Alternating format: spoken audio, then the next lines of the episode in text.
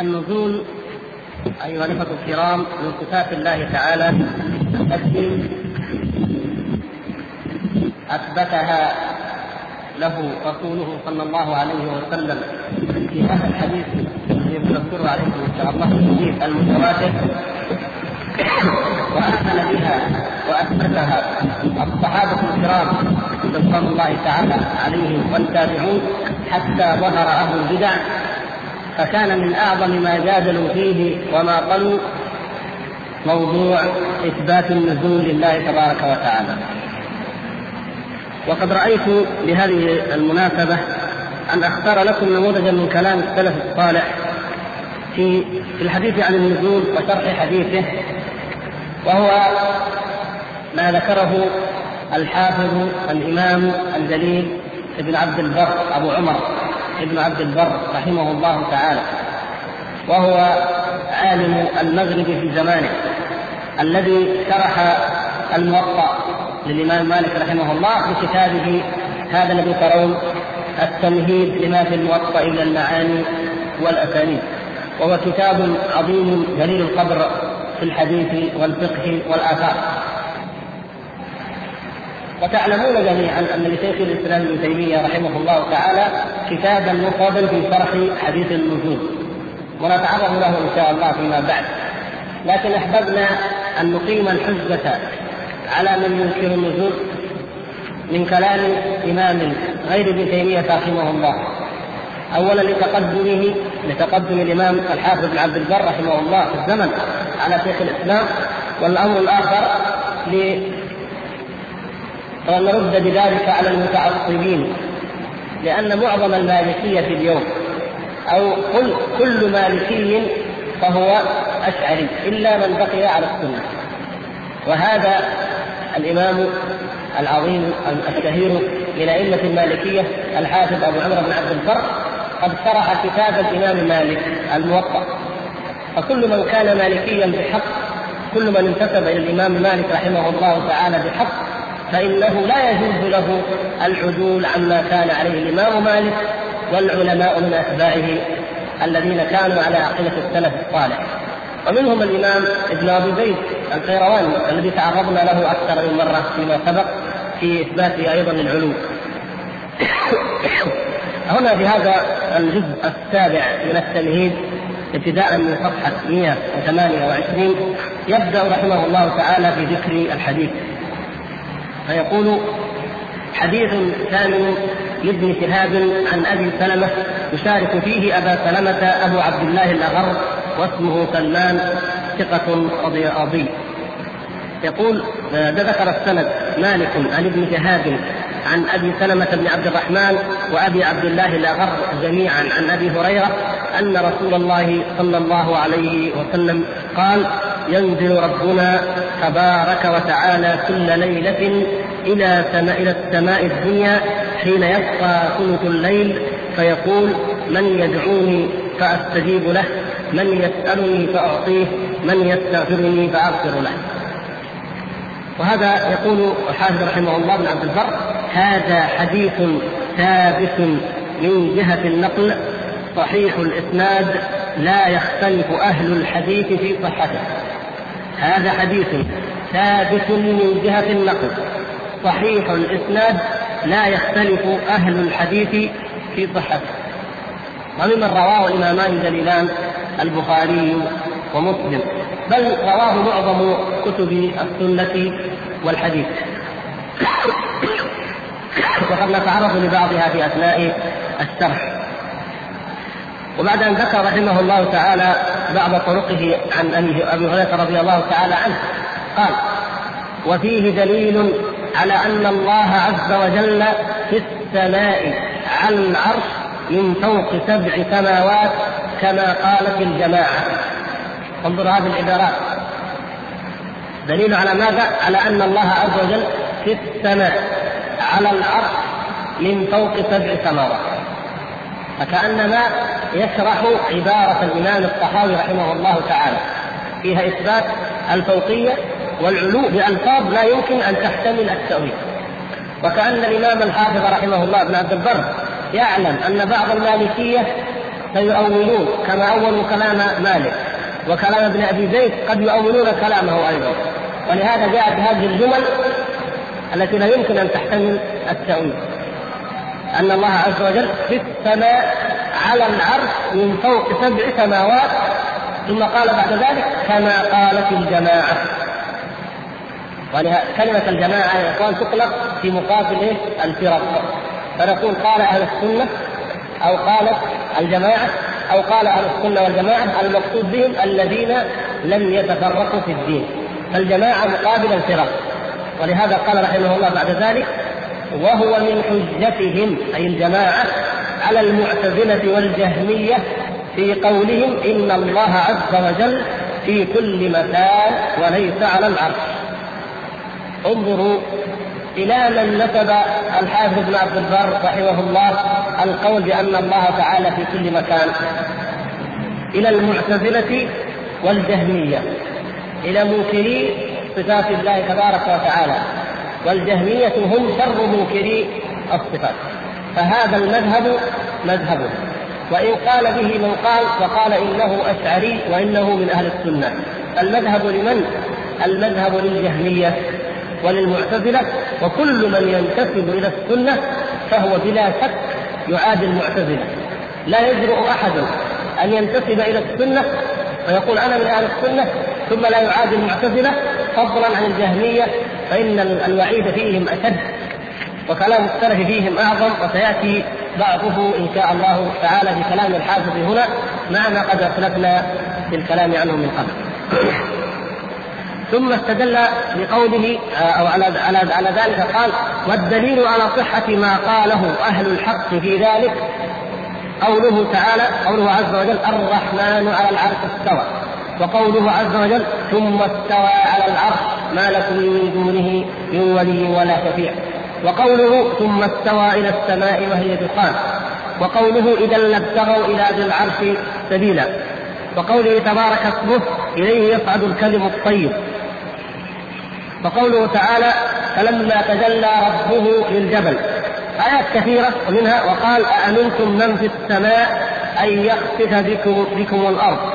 وهي الآية التي تحدثنا عنها الأسبوع الماضي. وقوله جل ذكره سبح اسم ربك الأعلى الأعلى. وهذا من العلوم.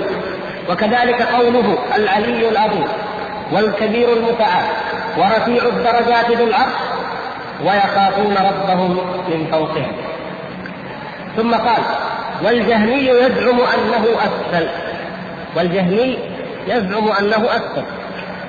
وإن لم يقولوها صراحة فقولهم إنه في كل مكان يقتضي ذلك يلزم منه ذلك. قال وقال جل ذكره يعني في الرد عليه يدبر الأمر من السماء إلى الأرض ثم يعرض إليه. وقوله تعرض الملائكة والروح إليه.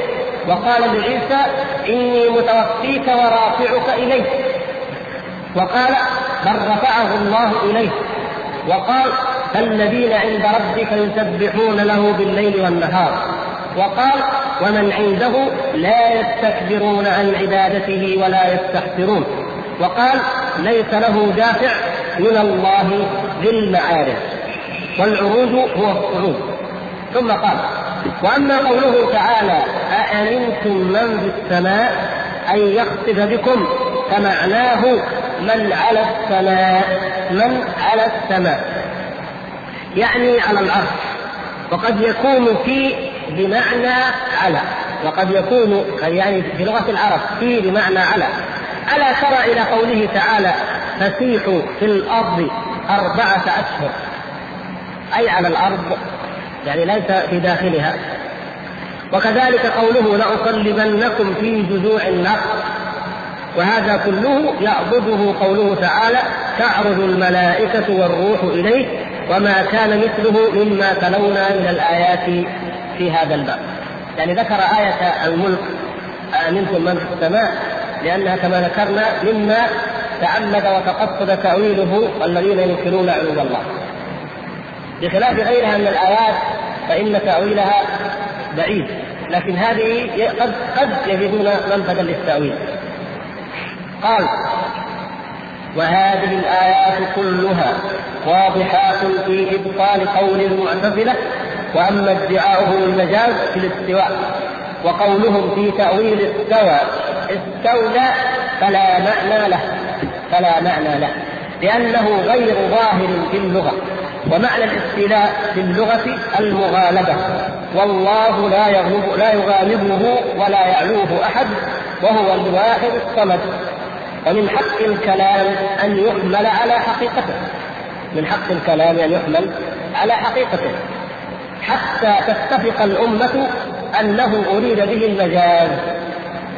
إلا إذا اتفقنا على أن المراد به غير ما وضع له.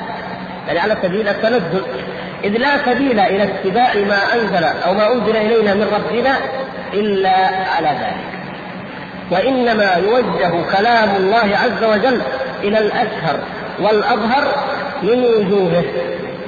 كلام الله وكلام رسوله صلى الله عليه وسلم. كيف يوجه؟ كيف يفسر؟ بالأظهر والأشهر من وجوهه. لا بمجرد معنى يحتمله اللفظ. يحتمله أي لفظ في أي مكان في أي مناسبة بل بالقرائن وبالسياق وبما هو أشهر وأظهر يحمل الكلام قال ما لم يمنع من ذلك ويجب له التسليم ولو ساغ ادعاء المجاز لكل مدع ما ثبت شيء من العبارات. لو أنه مجرد أن يأتي أي عبارة ويقال هذه عن المجاز ما يثبت أي شيء من العبارات حتى لو قال لك إنسان عندي أو لك عندي ألف درهم. مثلا قال لك عندي ألف ريال. يجوز أن تدعي عليه أن لك عنده مئة ألف ريال. ليش؟ تقول هذا المضاف محذوف.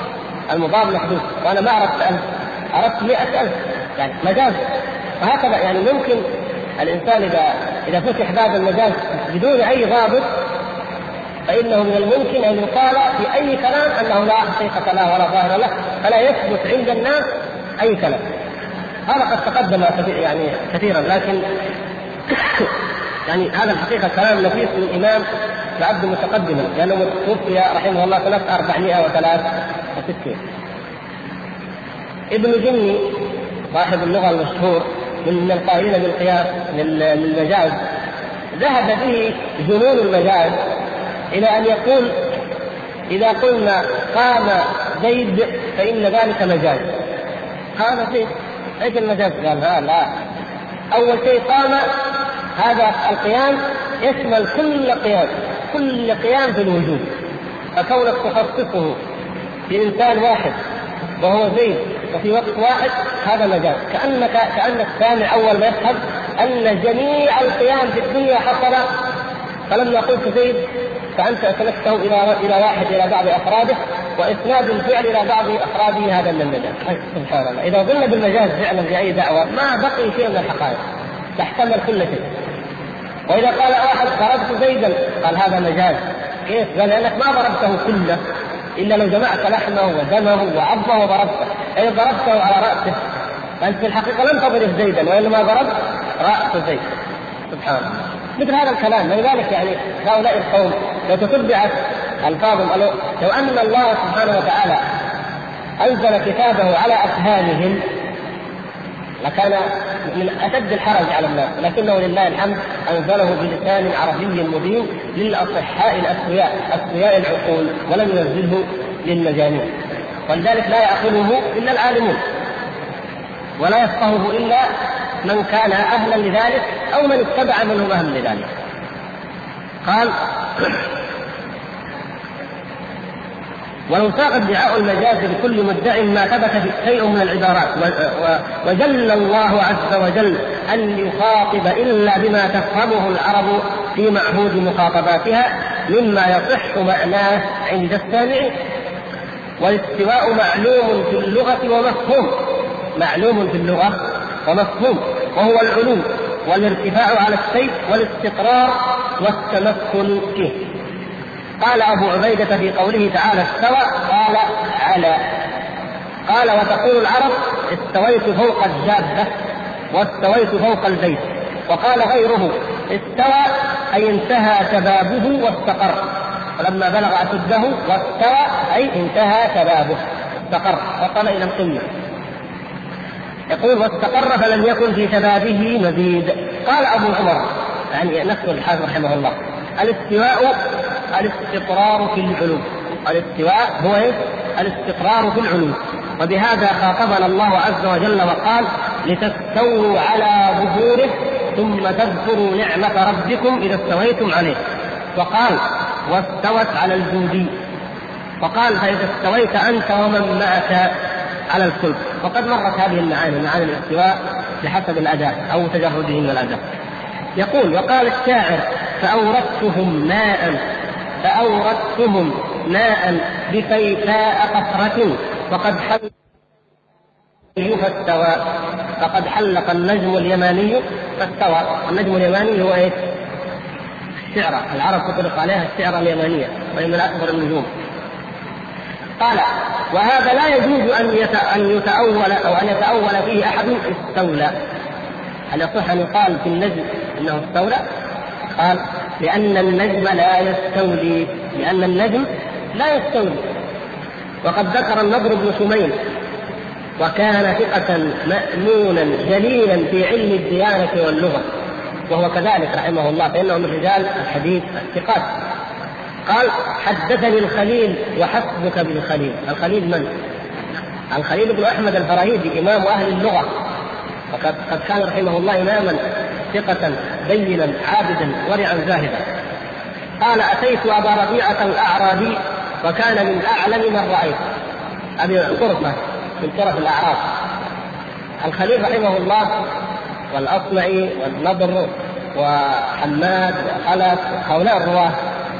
كانوا يذهبون إلى الأعراب فإذا عرفوا عربيا ثقة وطيبا حسن الاستقبال يذهبون إليه من أجل ماذا؟ ليأخذوا اللغة. هؤلاء يريدون أن يدونوا لغة العرب فيأخذوا عنه اللغة. فلهذا كان الأعراب يملون. أعرابي يأتي بشاه بشاتين بناقة يبيعها في سوق البصرة والكوفة يريد أن يبيع ويعود إلى الصحراء فيتلقفه أولئك اللغويون عند الأبواب. ما معنى كذا؟ ما تقولون في كذا؟ ما جمع كذا؟ ما تثنية كذا؟ فكان الأعراب يصدرون من هؤلاء الذين يترصدونهم أعراب ما يهمه هذه لغته ينطقها فيقول ما جمع كذا يقول كذا ويمشي ما هذه لغته يعني لا يحتاج ان يفكر فيها يعني هم يسألونه عن لغته ماذا تنطق كيف تنطق أنت لكن الأعراب لا يريد ان يعني يقطعون عليه امره فكان هذا الأعرابي يقول كان من أعلم من رايت قال فإذا هو على سطح الأعرابي فوق سطح القبيل فسلمنا فرد علينا السلام وقال لنا استووا. قال فبقينا متحيرين. إيش يبغى؟ يقول استووا. إيش إيش يبغى الأعرابي؟ ماذا ماذا يريد أن نفعل؟ يعني يقول تفضلوا؟ اصعدوا ارقوا مثلا تعالوا. لكن استووا. ولم ندري ما قال.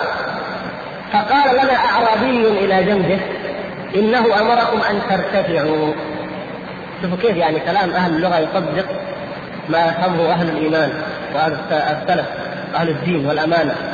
اذا قال أعرابي يريد يأمركم أن ترتفعوا هو فوق السطح يريد أن ترتفعوا إليه. قال الخليل هو من قول الله عز وجل ثم استوى إلى السماء وهي دخان عرفتم كيف؟ الخليل اذا يقول كلام الأعرابي. قوله لنا استووا يعني ارتفعوا هو من قوله تعالى ثم استوى إلى السماء وهي دخان بمعنى ارتفع. قال فصعدنا إليه. فقال هل لكم في خبز فطير ولبن هزير وماء نمير؟ الأعراب دائما يعني يسمعوا الكلام. هو يبغى يضيفهم. يعني إيش تبغوا؟ ضيفتم قبلوا ضيفتم كلام ثاني ما نبغى. إيش جمع كذا واستبيت كذا واستبوا هذا ما نبغى. تبغوا تمر آه يعني خبز ولبن وموية مرحبا. فقل قال فقلنا الساعة فارقناه يعني الكلام الطعام الآن فارقناه الحمد لله ولكن يعني يريد شيء آخر غير الطعام اللغة. فقال سلاما سلاما فلم ندري ما قال. فقال الأعرابي هذا المترجم الأعرابي اللي جنبه قال إنما سالمكم متاركة لا خير فيها ولا شر. سلامة يعني مسارقه يترككم بدون لا خير ولا شر. يعني لا لا يريد أن يثني عليكم أو يحتفي بكم وأيضا لا يريد أن يغضبكم باعتبار أنكم ضيوف. فقال سلاما سلاما مسارقه لا خير فيها ولا شر. فقال الخليل قال الخليل هو من قوله عز وجل وإذا خاطبهم الجاهلون قالوا سلاما سلاما يعني لسنا راضين عما تفعلون ولكن لن نتكلم. واحد جاي يسبك يشتمك يؤذيك فتقول سلاما ما أنت راضي عما يقول؟ لأنه يسبك بما ليس فيه يشتمك. لكن مع ذلك لن ترد لن تقول شرا. فكأن الأعرابي يقول لهم لا أريدكم ولكن لن اسيء إليكم. فهي مساركه لا خير فيها ولا شر. قال سلاما فالخليل ذكر عن ذلك أيضا في كتاب الله عز وجل ثم آه يذكر رحمه الله بعض ما استدل فيه من أحاديث لا تثبت أو آثار لا تثبت قال بعد ذلك أما سمعوا قول الله عز وجل حيث يقول وقال فرعون يا هامان ابن لي صرحا لعلي أبلغ الأسباب أسباب السماوات وأطلع إلى إله موسى وإني لاظنه كاذبا. قال فدل على أن موسى عليه السلام كان يقول إلهي في السماء وفرعون يظنه كاذبا. فهذا واضح وقد سبق ايضاح ثم يقول فسبحان هذه أبيات ذكرها الحافظ رحمه الله بعد ذلك فسبحان من لا يقدر الخلق قدره ومن هو فوق العرش فرد موحد مليك على عرش السماء مهيمن. لعزته تعنو الوجوه وتسجد نعم هذه يقول هذا الشعر لأمية بن أبي الصلت وهذا من من أعظم الشعر ومن خيره. يقول فسبحان من لا يقدر الخلق قدره. أبدا وما قدر الله حق قدره. هكذا. نعم الخلق لا يستطيعون أن يقدروا الله تعالى قدره ولا أن يثنوا عليه كما يستحق عز وجل بل هو كما أثنى على نفسه. ومن هو فوق العرش فرد موحد واحد أحد. مليك على عرش السماء مهيمن لعزته تعمي الوجوه وتسجد أي تخضع وتنحني الرؤوس والوجوه وتسجد. هذا الرجل الذي آمن شعره وكفر لسانه أو كفر قلبه. آه، آمن لسانه وكفر قلبه لأن الشعر من اللسان. يقول وفيه يقول في وصف الملائكة من القصيدة أيضا فمن حامل إحدى قوائم عرشه ولولا إله الخلق كلوا وأبلدوا قيام على الأقدام عانون تحته طرائقهم من شدة الخوف ترعب. هكذا حال الملائكة الكرام لأنهم يخافون ربهم من فوقهم. الكلام إلي هذا كأنه من من مأخوذ من, القرآن وإنما أخذه من علم أهل الكتاب وهو من الحق الذي تتطابق فيه دعوات الرسل وكتب الله تبارك وتعالى المتتالية. قال أبو عمر فإن احتجوا بقول الله عز وجل وهو الذي في السماء إله وفي الأرض إله هذا مما يحتجون به فعلا وبقوله وهو الله في السماوات وفي الأرض وبقوله ما يكون من نجوى ثلاثة إلا هو رابعهم الآية وزعموا أن الله تبارك وتعالى في كل مكان بنفسه وذاته تبارك وتعالى قيل لهم قيل لهم لا خلاف بيننا وبينكم وبين سائر الأمة أنه ليس في الأرض دون السماء بذاته كيف؟ يقول ليس بيننا وبينكم خلاف أن الله تبارك وتعالى لا يقال فيه إنه في الأرض بذاته وليس في السماء، يعني إذا أخرجنا إذا خصصنا بأنه في الأرض فقط بذاته، هل تقولون بذلك؟ لا يقول بذلك أحد من المسلمين. قال فوجب حمل هذه الايات على المعنى الصحيح المجتمع عليه. عرفتم العلة؟ كلام كيف؟ أهل السنة السلف جميعا. العلماء يقولون إن الله تبارك وتعالى في السماء. الجهمية يقولون هو في كل مكان أو هو في الأرض وفي السماء كما في الآية وهو الذي في السماء إله وفي الأرض إله بزعمهم. طيب فيقول لهم نأخذ القدر المتفق عليه وندع القدر المختلف فيه. نحن نقول في السماء وأنتم تقولون في الأرض وفي السماء. ما رايكم هل تقولون هو في الأرض فقط؟ لا نعوذ بالله. لا نقول ذلك. قال اذا اتفقنا نحن وأنتم على أنه في السماء. فبقي أن نحمل الآية على المعنى الصحيح ونترك المعنى المختلف فيه. قال ما هو هذا المعنى؟ وذلك أنه في السماء إله معبود من أهل السماء وفي الأرض إله معبود من أهل الأرض وكذلك قال أهل العلم بالتفسير. هذا قول أهل العلم. وهو الذي في السماء إله وفي الأرض إله. أي وهو الذي في السماء معبود وفي الأرض معبود. فهو سبحانه وتعالى بذاته فوق العرش فوق السماء. لكن عبوديته حق واجب على من في السماء وعلى من في الأرض. أما في السماء فهو معبود قطعا لكن الإشكال أين؟ في الأرض من يعبد غيره. فهو يقول وهو الذي في السماء إله وفي الأرض إله. فكيف تقولون إنه لا يعبد في الأرض؟ وتدعون كأنه لا يعبد إلا في السماء. قال فظاهر التنزيل يشهد أنه على العرش. ظاهر القرآن يشهد أنه على العرش. والاختلاف في ذلك بيننا فقط. وأسعد الناس به من ساعده الظاهر. وأما قوله تعالى في الآية الأخرى وفي الأرض إله وهو الذي في السماء إله وفي الأرض إله يقول هذا فالإجماع والاتفاق قد بين المراد. يعني وهو الله في السماوات وفي الأرض آية والاخرى هذه. فالإجماع والاتفاق قد بين المراد بأنه معبود من أهل الأرض. فتدبر نفس الكلام. فتدبر هذا فإنه قاطع إن شاء الله. قال ومن الحجة أيضا ومن الحجة أيضا في أنه عز وجل على العرش فوق السماوات السبع أن الموحدين أجمعين من العرب والعجم إذا كربهم أمر إذا كربهم أمر يعني وقع بهم كرب أو نزلت بهم شدة رفعوا وجوههم إلى السماء يستغيثون ربهم تبارك وتعالى هذا دليل ماذا؟ دليل إيش؟ أيوه على العلو لكن يسمى عندنا دليل إيش؟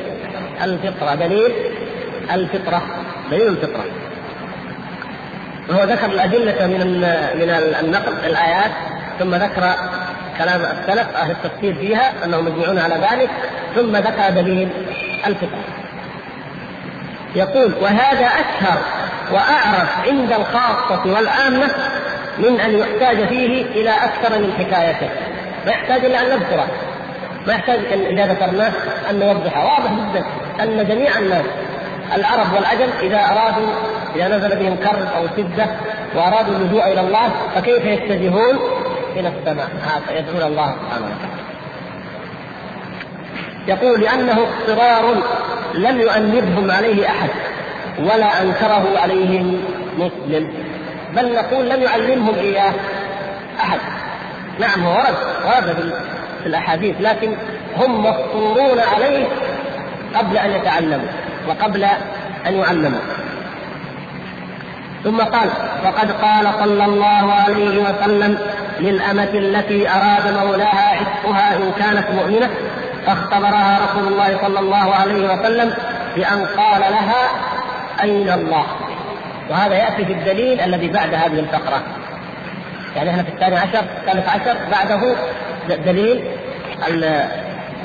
الرابع عشر التصريح بلفظ الأين هذا يأتي إن شاء الله. ولكن لا بأس أن نقرأه الآن لأن الحافظ ابن عبد البر رحمه الله قد ذكره والكلام بعضه يؤيد بعضا. قال اختبرها رسول الله صلى الله عليه وسلم. بأن قال لها أين الله؟ فأشارت إلى السماء. ثم قال لها من أنا؟ قالت رسول الله. قال أعتقها فإنها مؤمنة. فاكتفى رسول الله صلى الله عليه وسلم منها برفعها رأسها إلى السماء واستغنى بذلك عما سواه. ثم ذكر الحديث عن معاوية بن الحكم بسنده رحمه الله. عن معاوية بن الحكم قال أطلقت غنيمة لي ترعاها جارية لي في ناحية أحد. كان لديه غنيمات ترعاها في ناحية جبل أحد. قال فوجدت الذئب قد أصاب شاة منها هجم الذئب على الغنم فأخذ منها شاة وأنا رجل من بني آدم ورحمه الله يريد أن يقدم عذره. لكي لا يقال كيف تقدم على هذا العمل؟ وأنا رجل من بني آدم آسف كما يأسفون يعني أتأحزن وأندم وأتحسر إذا فاتني شيء. مثل بني آدم مثل سائر خلق الله. وهكذا كان الصحابة رضوان الله تعالى عليهم بشر من الخلق مثل خلق الله. لكن يتميزون بأنهم إذا مسهم طائف من الشيطان تذكروا فإذا هم مبصرون. إذا فعلوا إذا ظلموا أنفسهم أو فعلوا فاحشة أو أذنبوا أي ذنب تابوا إلى الله. فهم يمر عليهم ويمر على كل الناس من الغفلات من الغفلات المتوالية التي أو العارضة التي تعرض على القلب. لكنهم قرآن لا يستغفرون الله سبحانه وتعالى ويطيقون. هكذا كان حالهم رضي الله تعالى عنهم. قال ففككتها فكة. ضربها ضربة قوية. فندم طبعا. وتألم لذلك ما الحل؟ ثم انصرفت إلى رسول الله صلى الله عليه وسلم فأخبرته فابظم علي. قال فقلت يا رسول الله فهل لا أعتقها؟ النبي صلى الله عليه وسلم. الرسول المبعوث رحمة للعالمين نبي الرحمة. الذي وصفه ربه تعالى بأنه بالمؤمنين رؤوف رحيم. بل هو رحمة للعالمين وما أرسلناك إلا رحمة للعالمين. ورسول الله صلى الله عليه وسلم كان في جانب الرحمة والشفقة على كل أحد. لا يرضى أن ينزل بأحد وإن كان كافرا ما لا يستحق. إن لم يكن ممن يستحقون العقاب لا يجوز. ولذلك نهى النبي صلى الله عليه وسلم عن قتل النساء والصبيان والشيوخ وهم في حال الجهاد. هذا نبي الرحمة وهذا دين الرحمة. وهذه ليست حرة. هذه أمة جارية مملوكة. ويأتي نبي الهدى والرحمة صلى الله عليه وسلم وهو في تلك الأيام وفي كل حياته صلى الله عليه وسلم مشغولا بالجهاد. ونصرة دين الله وإقامة الحدود وتعليم الناس الدين يأتي رجل ويقول فككت جاريتي فكة تذهب هذه القضية أباء ما في شيء جاريتك حلالك ما في مشكلة؟ لا والله أبدا. لأنه صلى الله عليه وسلم ما بعث إلا رحمة للعالمين. لأن هذا الدين هو الذي أقر حق الإنسان الحقيقي وليست المواثيق الخداعة التي يزعمها من يزعمها في هيئة الأمم وغيرها وثيقة حقوق الإنسان. لأول مرة في تاريخ أوروبا عام 1948 تكتب وثيقة حقوق الإنسان وأن الإنسان لا يجوز لأحد أن يسترقه ولا أن يظلمه ولا أعطوه بعضا من الحقوق. وعرض الميثاق على الأمم المتحدة وبقي أكثر من 60 دولة لم توقع عليه ما وقع عليه. بعضها اليوم لم توقع على ميثاق حقوق الإنسان هذا الذي ما فيه من إعطاء الحق إلا بعض ما جاء به رسول الرحمة صلى الله عليه وسلم. هذا هو دين الرحمة الحقيقي ودين السلام. ولكن أي سلام وأي رحمة أهي الذي تبطل الجهاد وتبطل الأمر بالمعروف والنهي عن المنكر؟ لا. السلام في موضعه والرحمة في موضعها والجهاد في موضعه. والقوة في موضعه. هكذا علمنا رسول الله صلى الله عليه وسلم. فعظم عليه النبي صلى الله عليه وسلم الأمر. عظم عليه كيف تضربها؟ كيف تصدها لا ذنب لها. والذئب يغلط ولو أنك واقف. ألم يكن؟ الا, ألا يحتمل أن يأتي الديب ويأخذها وأنت واقف؟ اذا لما لما هذا التعنيف عليها؟ هذه جارية. انظروا يا أخوان. لم تأتي تشتكي حتى نقول إن النبي صلى الله عليه وسلم أراد أن يطيب خاطرها فعنف على الصحابي. الصحابي بنفسه جاء يشكو نفسه إلى رسول الله صلى الله عليه وسلم والرسول صلى الله عليه وسلم لم يقل ما دمت جئت كذا فذهب انتهى الأمر بل عظم عليه وعنفه هكذا هكذا دين الرحمة ودين حق الإنسان الحقيقي في كرامته وفي حريته وفي عيشه. فمن كثرة ما آلمه وأنبه وازعه وما سمعه من رسول الله صلى الله عليه وسلم قال يا رسول الله فهل لا أعتقها؟ آه ما رأيك لو أعتقتها؟ في بعض الروايات أن أن أمه أم معاوية بن الحكم السلمي رضي الله تعالى عنه نذرت أن تعتق رقبة والله فرصة لما لا أعتقها؟ أنا أكفر عن ذنبي فأعتقها أو عن أمي فأعتقها آه إيش المشكلة؟ المشكلة أنها جارية أعجمية راعية غنم لا أدري أهي مسلمة؟ أهي مؤمنة أم غير مؤمنة؟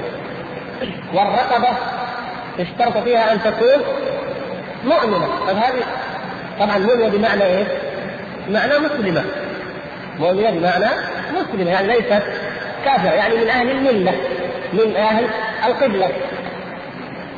قال فأتني بها. النبي صلى الله عليه وسلم قال فأتني بها.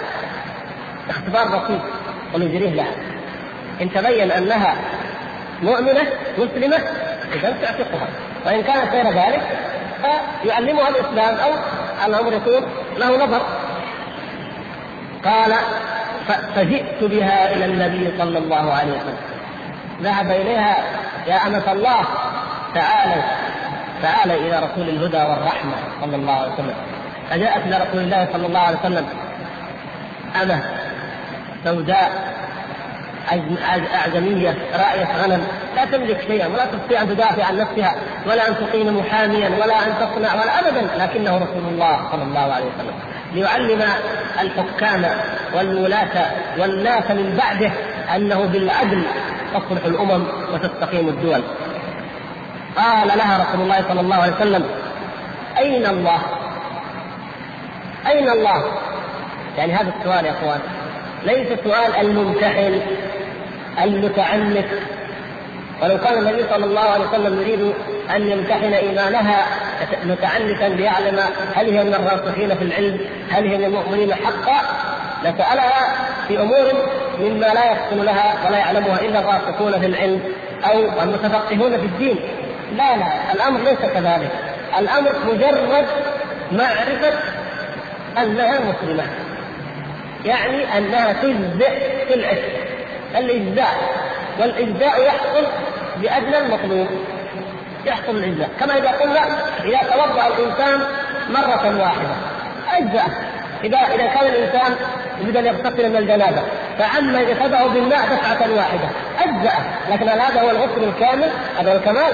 هذا ليس الكمال وإنما إجزاء يجزئ فيريد فقط شيء يجزئ أنها تعصى قال أين الله؟ قالت في السماء ما في مشكلة يعني لا واضح يعني ما يحتاج مهما كانت أعجمية راعية غنم كذا في السماء فقال من أنا؟ قالت أنت رسول الله انظروا يعني حتى تعرفوا أن السؤال الأول أو رقم ألف مثلا في غاية اليسر والسهولة والوضوح يدلكم على ذلك الشق الثاني أو السؤال الثاني من أنا؟ سبحان الله وهل يخفى القمر؟ وهل أحد يفهم أن هذا هو رسول الله صلى الله عليه وسلم؟ السؤال واضح جدا من أنا؟ هذا رسول الله فإذا السؤال الأول مثل يعني أمر واضح فسألها فيما يتعلق بماذا؟ بالألوهية والرسالة. فكان ذلك قائما مقام أشهد أن لا إله إلا الله وأن محمدا رسول الله. يعني كأنها قالت أشهد أن لا إله إلا الله. أين الله؟ السماء. طيب. ومن أنا؟ رسول الله. وأشهد أن محمدا رسول الله. هذه أدنى أو أول ما يدخل به الإنسان في دين الإسلام. وبئس والله بمن يدعي العلم وهو يجهل ما عرفته هذه الجارية العادية أدنى ما يدخل به المرأة في الإسلام وماذا يقول الناس وماذا يعقبون وماذا يعلقون؟ اسمعوا إلى كلام المعلق وهو عبد الله بن الصديق.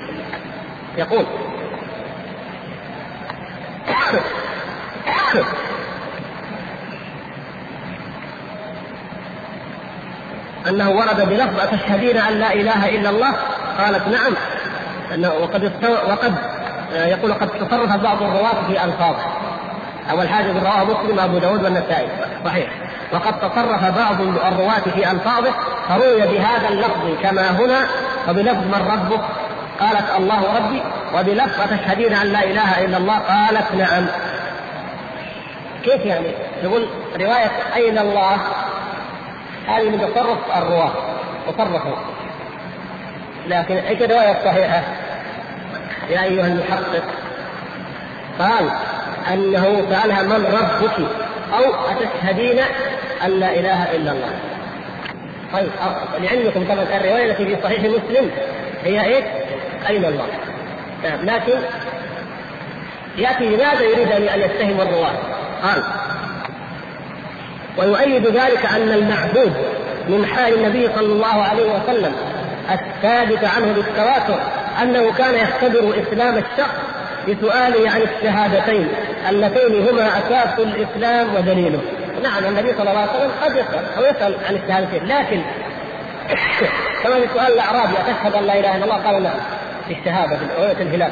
لكن إذا سأل أين الله؟ ومن أنا فهو بقوة.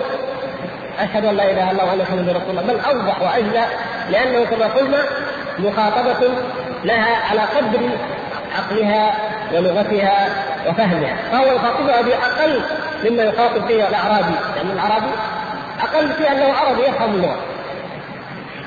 قال أما كون الله في السماء يعني لو لو وقف عند هذا الحد قلنا رجل تعارضت عنده الروايات فقدم روايات على أخرى مثلا لكن ليس هذا المقصود انظروا ماذا يريد بالضبط أما كون الله في السماء فكانت عقيدة العرب في الجاهلية وكانوا مشركين فكيف تكون دليلا على الإسلام؟ عرفتم؟ السؤال هذا موجه من عبد الله بن الصديق إلى من؟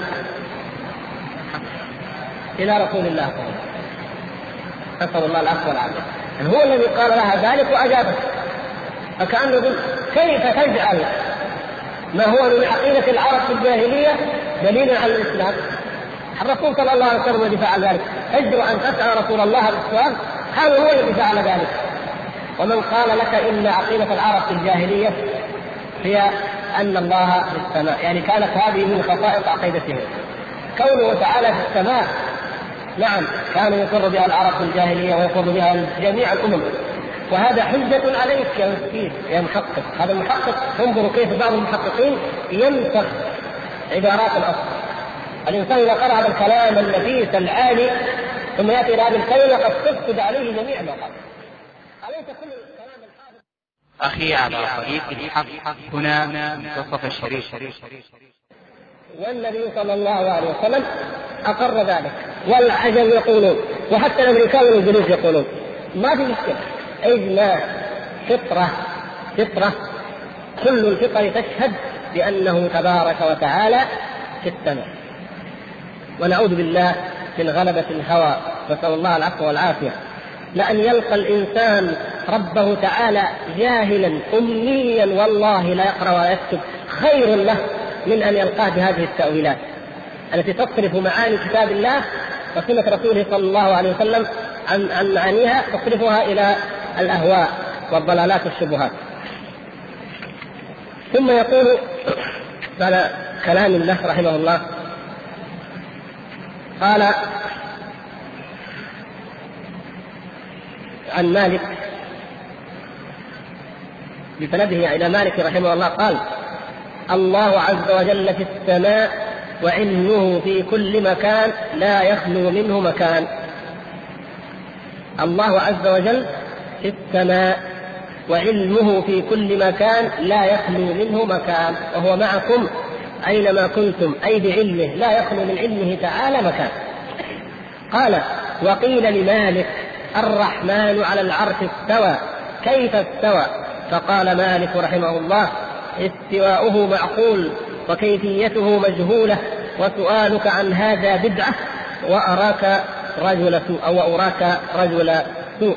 وقد روينا عن ربيعة بن أبي عبد الرحمن أنه قال في قول الله عز وجل الرحمن على العرش استوى مثل قول مالك هذا سواء وقد تقدم والحمد لله أنا حل لكم أين قال هذا الإمامان وأما احتجاجهم بقوله عز وجل ما يكون للنجوى ثلاثة إلا هو رابعهم ولا خمسة إلا هو سادسهم ولا أدنى من ذلك ولا أكثر إلا هو معهم فلا حجة لهم في ظاهر هذه الآية. لأن علماء الصحابة والتابعين الذين حملت عنهم آه، التآويل يعني التفاسير التآويل في القرآن قالوا في تأويل هذه الآية هو على العرش وعلمه في كل مكان وما خالفهم في ذلك أحد يحتج بقوله. إذا الحافظ أبو عمر رحمه الله وهو ثقة في نقله وواسع في اطلاعه يذكر أن هذا بمنزلة الإجماع أو هو إجماع أن قوله تعالى وهو معكم أينما كنتم إجماع على أنه بعلمه أن الله تعالى فوق العرش بذاته وأنه مع الناس في كل مكان بعلمه الذي لا يخفى عليه شيء. ثم ذكر يقول ذكر سليد عن مقاتل وعن الضحاك بن مزاحم في قول ما يكون من نجوى ثلاث إلا وربيعهم. قال وهو على عرشه وعلمه معهم أينما كان. قال وبلغني عن سفيان الثوري مثله. قال سنيد وحدثنا حماد بن زيد عن عاصم بن بهدلة عن زيد بن حبيش عن ابن مسعود قال الله فوق العرش ولا يخفى عليه شيء من أعمالكم. هذا هؤلاء أعلم الناس بالتفسير. ابن عباس وابن مسعود وتلاميذهما الله فوق العرش ولا يخفى عليه شيء من أعمالكم. قال سنيد وحدثنا حسين عن أبي بكر عن مجاهد قال إن بين العرش وبين الملائكة سبعين حجابا حجاب من نور وحجاب من ظلمة. إلى آخر ما ذكر آه، رحمه الله تعالى. ثم قال بعد ذلك آه، عن أبي موسى آه، عن ابن موسى الضبي قال سألت سفيان الثوري عن قوله تعالى وهو معكم أينما كنتم؟ قال علمه علمه. قال علي بن الحسن وسمعت المبارك يقول إلى إلى أن قال عن أبي داود نقل عن أبي داود بسنده عن ابن المبارك قال الرب تبارك وتعالى على السماء السابعة على العرش. قيل له بحد ذلك؟ قال نعم هو على العرش فوق سبع سماوات.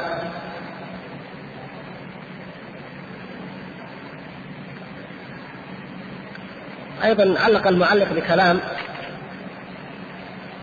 طيب ما في داعي له؟ قال وحدثنا أحمد بن إبراهيم الدورقي عن وكيع بسنده إلى وكيع قال كفر بشر ابن المريسي في صفته هذه قال هو في كل شيء. بشر المريسي قال إن الله في كل مكان. من الجهمية؟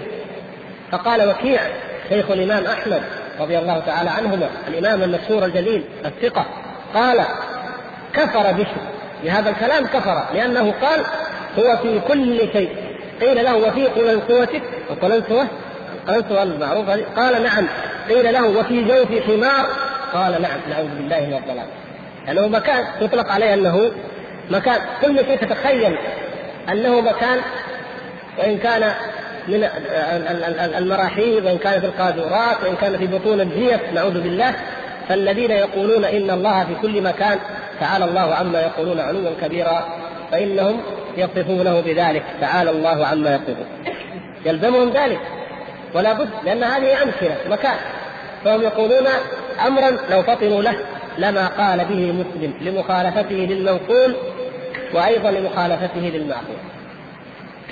ولهذا ما يقوله بعض الناس إذا استفتحوا خطبهم أنه سبحانه سبحان الحمد لله الذي تنزه عن الزمان والمكان فلا يقال له أين ولا كيف ولا ك... لا هذه العبارات خطأ. لأن ماذا؟ المقصود بها نفي العلو ولا يقال له اين النبي صلى الله عليه وسلم قد قال اين هكذا نتنبه. فإذا وهو في كل مكان هو الذي في كل مكان. يقول أيضا هذه أجمل أجملت بفصل. يجب أن تقول وعلمه في كل مكان. أو هو في كل مكان بعلمه. وتقول قبل ذلك وهو فوق العرش بذاته سبحانه وتعالى. وقال عبد الله بن مبارك رضي الله تعالى قال إنا لنحكي كلام اليهود والنصارى ولا نستطيع أن نحكي كلام الجهمية. ليش؟ اليهود قالت وقالت اليهود عزير ابن الله ذكر الله في القرآن. نحكيها ننقلها عنه النصارى ثالث ثلاثة عيسى ابن الله ننقلها نحكيها عنهم. لكن لا نستطيع أن نحكي كلام الجهمية. يقولون في كل مكان. فإذا قيل يا جهل يا بشر في كل مكان حتى في المراحيض عياذا بالله حتى في الجيش حتى في كذا. يقول نعم نعم. قال لا نستطيع لا نستطيع أن نحكي كلامهم. ولهذا فإنهم يقولون هؤلاء كفار زنادقة يقولون في الله قولا عظيما يقولون كذا ولا يستطيعون أن أن يقولوا هذا الكلام لأنه لا يقولوا ولا يتصور ولا يتخيلوه عاقل ولا مسلم أبدا. ثم شرع رحمه الله في بيان الحديث الحافظ بن عبد البر قال وأما قوله صلى الله عليه وسلم في هذا الحديث ينزل ربنا تبارك وتعالى إلى سماء الدنيا فقد أكثر الناس التنازع فيه. كثير تنازعوا فيه مع أنه حق ظاهر. والذي عليه جمهور أئمة أهل السنة أنهم يقولون ينزل كما قال رسول الله صلى الله عليه وسلم. في الحقيقة هو إجماع لكن قال الجمهور احترازا لأنه سيذكر عن بعض من نسب إلى السنة فنذكره الآن. وإلا في الحقيقة هو إيه؟ هو إجماع من أهل السنة والحمد لله. أنه ينزل كما قال رسول الله صلى الله عليه وسلم. ويصدقون بهذا الحديث ولا يكيفون كيف ينزل؟ كيف تخلو يخلو منه العرش؟ لا يخلو. كيف السماء الدنيا؟ أين هي من العرش؟ كيف ينزل إلى بلد والبلد الآخر فيه نهار وهذا فيه ليل؟ كيف كيف؟ كل هذا لا لا يقوله السلف ولا يكيفون. والقول شوف القاعدة. والقول في كيفية النزول كالقول في كيفية الاستواء والمجيء. والحجة في ذلك واحدة. الحجة واحدة. وهي أن نثبت ما أثبته الله لنفسه أو أثبته له رسوله صلى الله عليه وسلم. المورد واحد والحجة واحدة. وفي الجميع لا نقول كيف ولا نمثل. ولا نعطل ولا نؤول. قال وقد قال قوم من أهل الأثر أيضا أنه ينزل أمره وتنزل رحمته. وروي ذلك عن حبيب كاتب مالك وغيره. وأنكره منهم آخرون. يعني بعض بعضهم يقول أن البعض قال ينزل أمره أو تنزل رحمته. وهنا يجب أن نقف وقفة تفيدكم إن شاء الله في مواضع وهو إذا نقل عن أحد من السلف مثلا لو صح أن أحد من السلف قال ينزل ربنا إلى سماء الدنيا قال تنزل رحمته ما ذكره الطبري رحمه الله وغيره من المفسرين من قول بعض الصحابة كابن مسعود أو ابن عباس يوم يكشف عن ساق قال يوم يشتد الكرب يشتد الهول إلى آخره هل هذا الكلام فيه نفي للصفة؟ أيوة الحمد لله هنا الأساس هنا الإشكال المؤولون لو كانوا يكتفون يقولون ينزل ربنا يعني تنزل رحمته ثم لعلهم يقصدون أنه ينزل فإذا قال هذا القول هل من سائل فأعطيه؟ هل من مستغفر؟ ويقصدون بذلك أنه في تلك اللحظة تكون رحمة الله عز وجل، يعني هو يقول ذلك ليرحم عباده، يعني يحتمل. لكن هم ماذا يقولون؟ لا ينزل. هو مشكلة هم كذبوا كذبوا الحديث يعني. كذبوا رسول الله صلى الله عليه وسلم. ردوا عليه كلامه. لا ينزل. لا ينزل أصلا. وإنما تنزل رحمته. يقول. وهنا نقول طيب رحمته. ما تنزل إلا في الثلث الأخير. رحمته. أمره ما ينزل إلا في الثلث الأخير. ما يمكن. لكن لو كانوا يقصدون أنه ينزل فتنزل رحمته. يعني تكون رحمته أقرب إلى العباد. مثلا مع اثباتهم للصفة ما نقف لهم لأنه نعرف في أي آية من كتاب الله فضلا عن هذا وهو حديث أن السلف الصحابة المفسرين يختلفون في تفسيرها على أقوال. لا يهمنا ذلك. أقوال كثيرة أحيانا بعض الآيات خمس أقوال ستة عشر ما يهمنا ذلك. يهمنا ماذا؟ أن لا ينكر أحد صفة لله. هذا اللي يهمنا. لاحظتم كيف؟ فإذا قال أحد نعم يثبت نزول الله. لكن المراد هو أن الرحمة تكون أقرب. فهم خطأ صواب في آخر راجح مرجوح في آخر. لكن الذي يقول لا ينزل لا ينزل هذا رد على رسول الله صلى الله عليه وسلم كلامه. إذا روي هذا عن من؟ عن حبيب كاتب مالك. ماذا قلت يا كاتب مالك؟ قال ينزل تنزل رحمته أو ينزل أمره. أول شيء لا منزلة حبيب في العلم. وإن كان كاتب الإمام مالك. يقول حتى نفس المعلق ذكر هنا. قال وهذا الله تعالى أنطقه به. وإلا كان ينبغي له على عقيدته أن يؤيد ويقول إمام عظيم ولا يعقل أن يكون تلميذ مالك وهو ضعيف وهو لكن الله تعالى أنطقه فذكر هو بنفسه قال متروك متروك. كذبه أحمد وأبو داود وجماعة. واحد يقول فيه الإمام أحمد كذاب. هذا يؤخذ في العقيدة. ما ما يقبل روايته لحديث واحد لو كان في أي أدنى حكم من الأحكام. في نقص الأذى عن الطريق ما يقبل روايته. فكيف فيما يتعلق بصفات الله؟ وهذا أيضا ليس رواية بل هو من عنده. يريد أن يوصف الله سبحانه وتعالى. كذاب كذاب. إذا لا يؤخذ كلامه. طيب. قال وأنكره منهم آخرون. أنكر عليهم العلماء الآخرون. وقالوا هذا ليس بشيء. هذا ما هو كلام. لماذا؟ قال لأن أمره ورحمته لا يزالان ينزلان أبدا في الليل والنهار. وتعالى الملك الجبار الذي إذا أراد أمرا قال له كن فيكون في أي وقت شاء ويختص برحمته من يشاء متى شاء لا إله إلا هو الكبير المتعال. نعم رضي الله تعالى عنه. قد أثنى على الله سبحانه وتعالى بهذا الثناء وهو عز وجل أهل الثناء. إلى أن يقول في رد كلامهم هذا وما شبهه قال وما غاب عن العيون. هذا يقول الحافظ ابن عبد البر رحمه الله في إبطال قول من يرون أو من يتساءل كيف ينزل كيف يصعد؟ كيف يكون كيف؟ كيف؟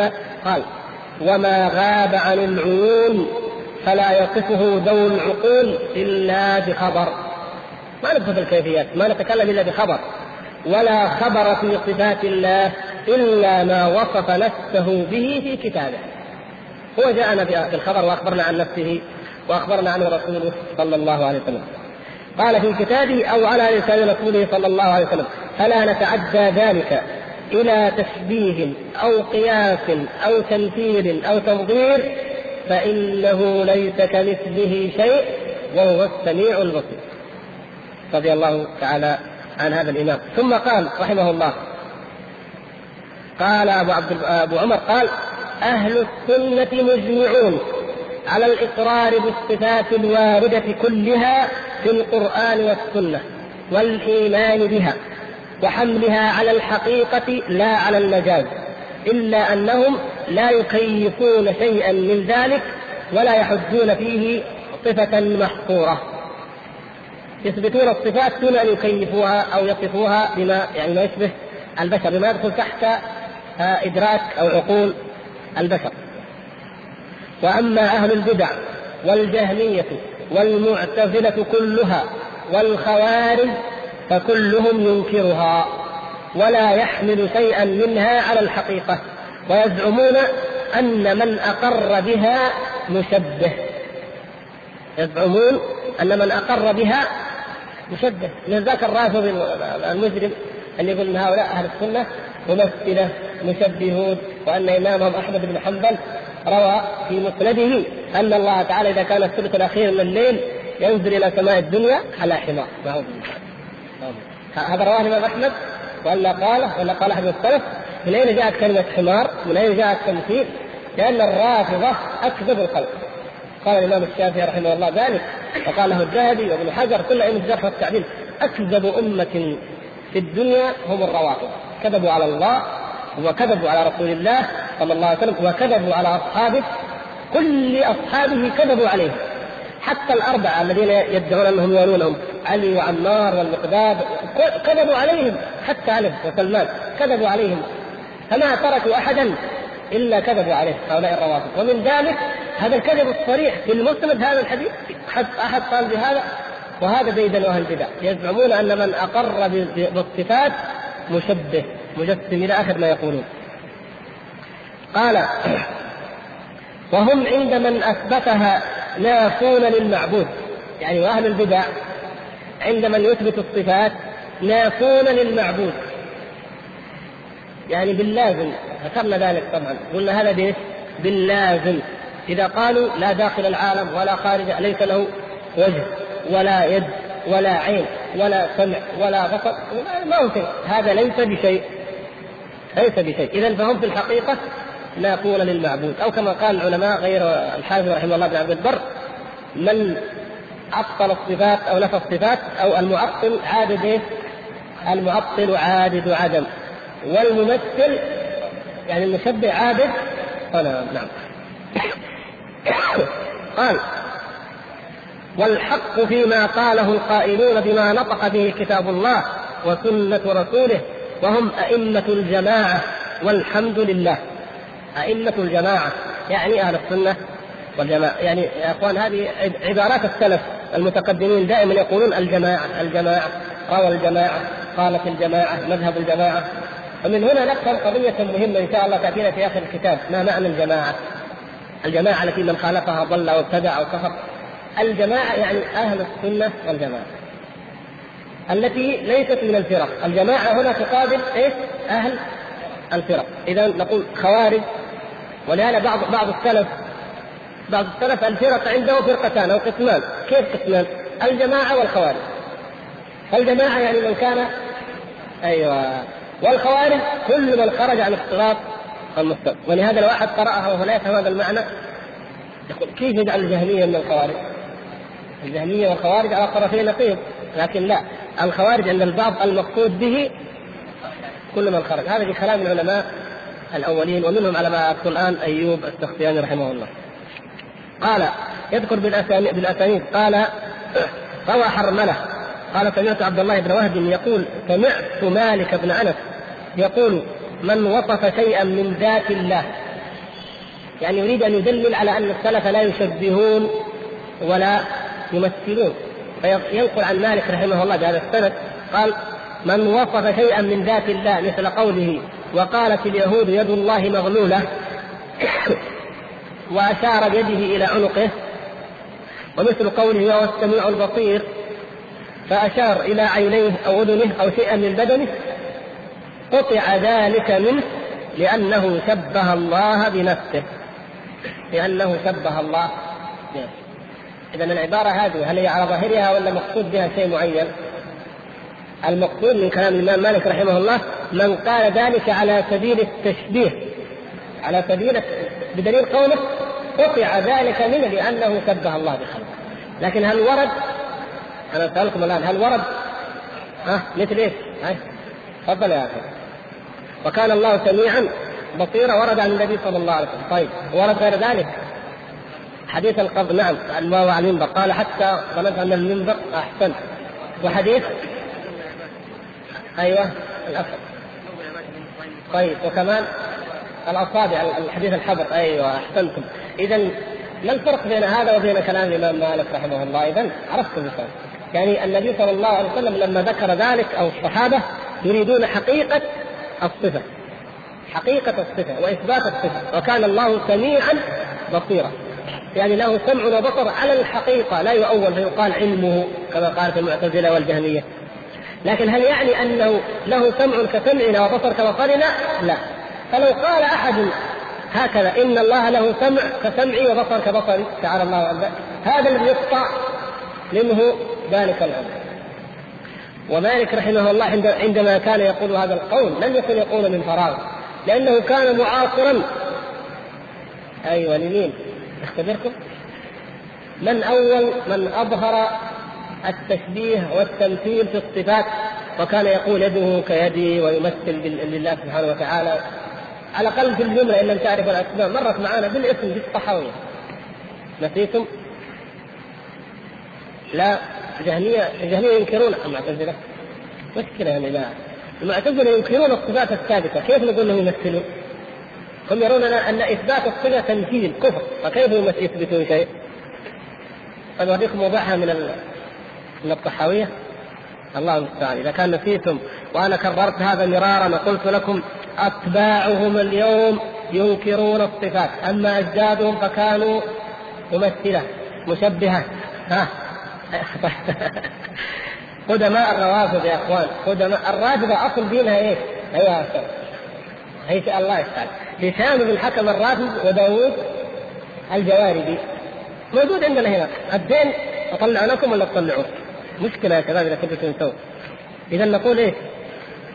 الروافض الذين قال قائلهم من المعاصرين إننا نحن نحن أهل السنة نشبه الله ويقول ينزل على حمار تعالى الله عما يقولون هم أصلا أصل التمثيل وأصل التشبيه لأنهم اخذوه عن من؟ أحسنت عن اليهود أصل دينهم مأخوذ عن من؟ عن اليهود واليهود التوراة المحرفة فيها ما يدل على ذلك التوراة المحرفة فيها تمثيل تشبيه فيها؟ نعم نعم. ملأ قلنا لكم هذا؟ الله المستعان. أنا أقول طلابي اللي في الجامعة بس اللي يضيعوا. حتى اللي في المسجد. الله المستعان. يا إخوان ما ينبغي هذا يعني. فين قلنا طيب نخلينا الآن؟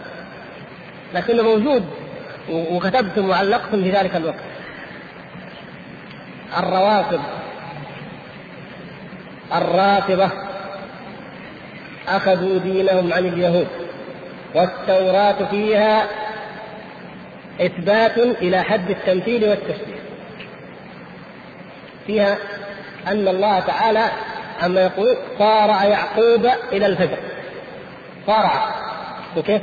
هذا هذا مما يؤيد كلام؟ هشام يعني مما يستدريه هشام بن الحكم الرافضي وأمثاله.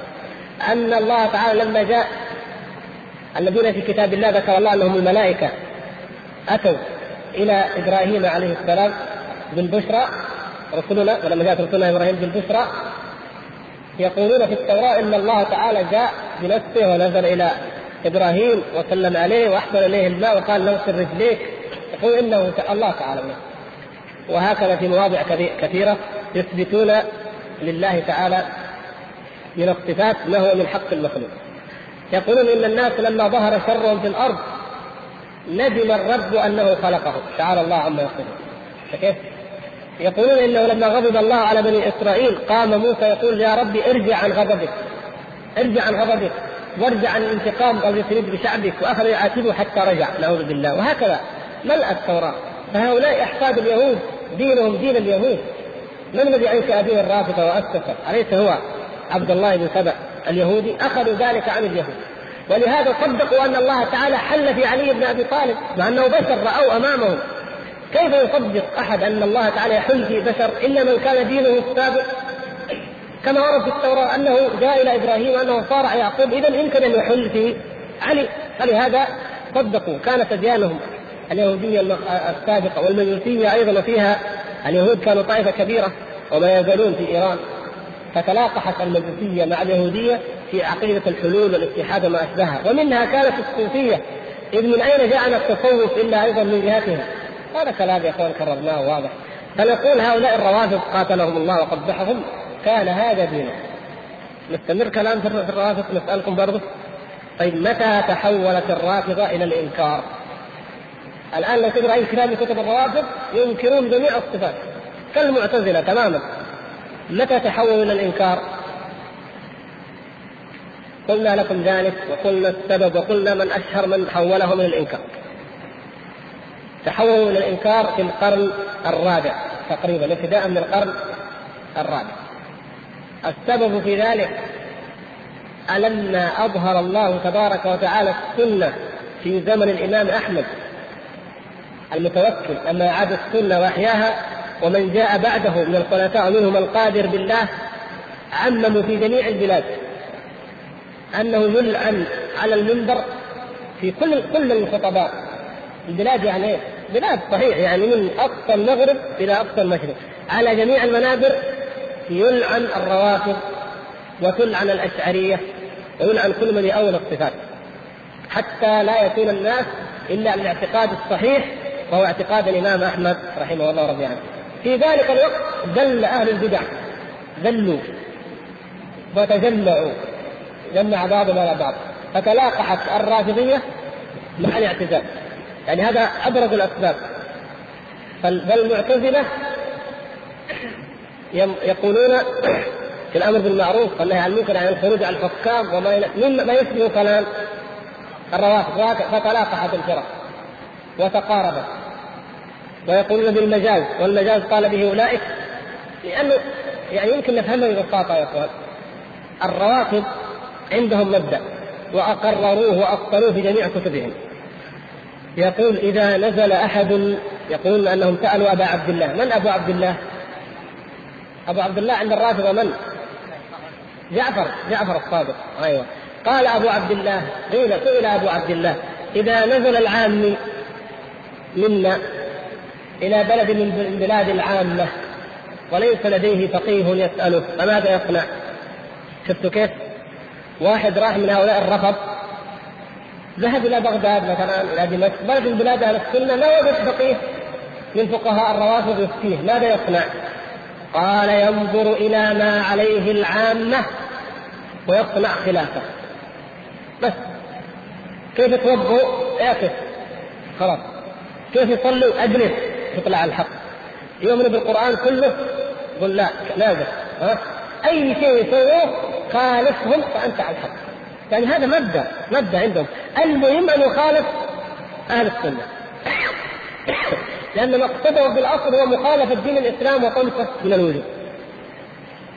فلهذا أهل السنة يثبتون الصفات وينكرها أهل السنة ينكرون المجاز ويثبتون المجاز. أهل السنة يتبرؤون من الفلسفة والمنطق فلنكن أصحابها. هذه يعني هذه أيضا من الدوافع الأساسية عند أولئك القوم. وتاريخهم شاهد وحافل بذلك وهو تاريخ بالدماء وليس فقط بالكتابة. تاريخ الروافض مع الإسلام تاريخ مكتوب بالدم من الطرفين وليس مجرد خلاف على ورق. فلهذا هم يقولون أو هم الذين قالوا هذا فنقول إن الإمام مالك رحمه الله لما قال ذلك قاله لأن في عصره كان هشام وداوود وأمثالهم وأتباعهما.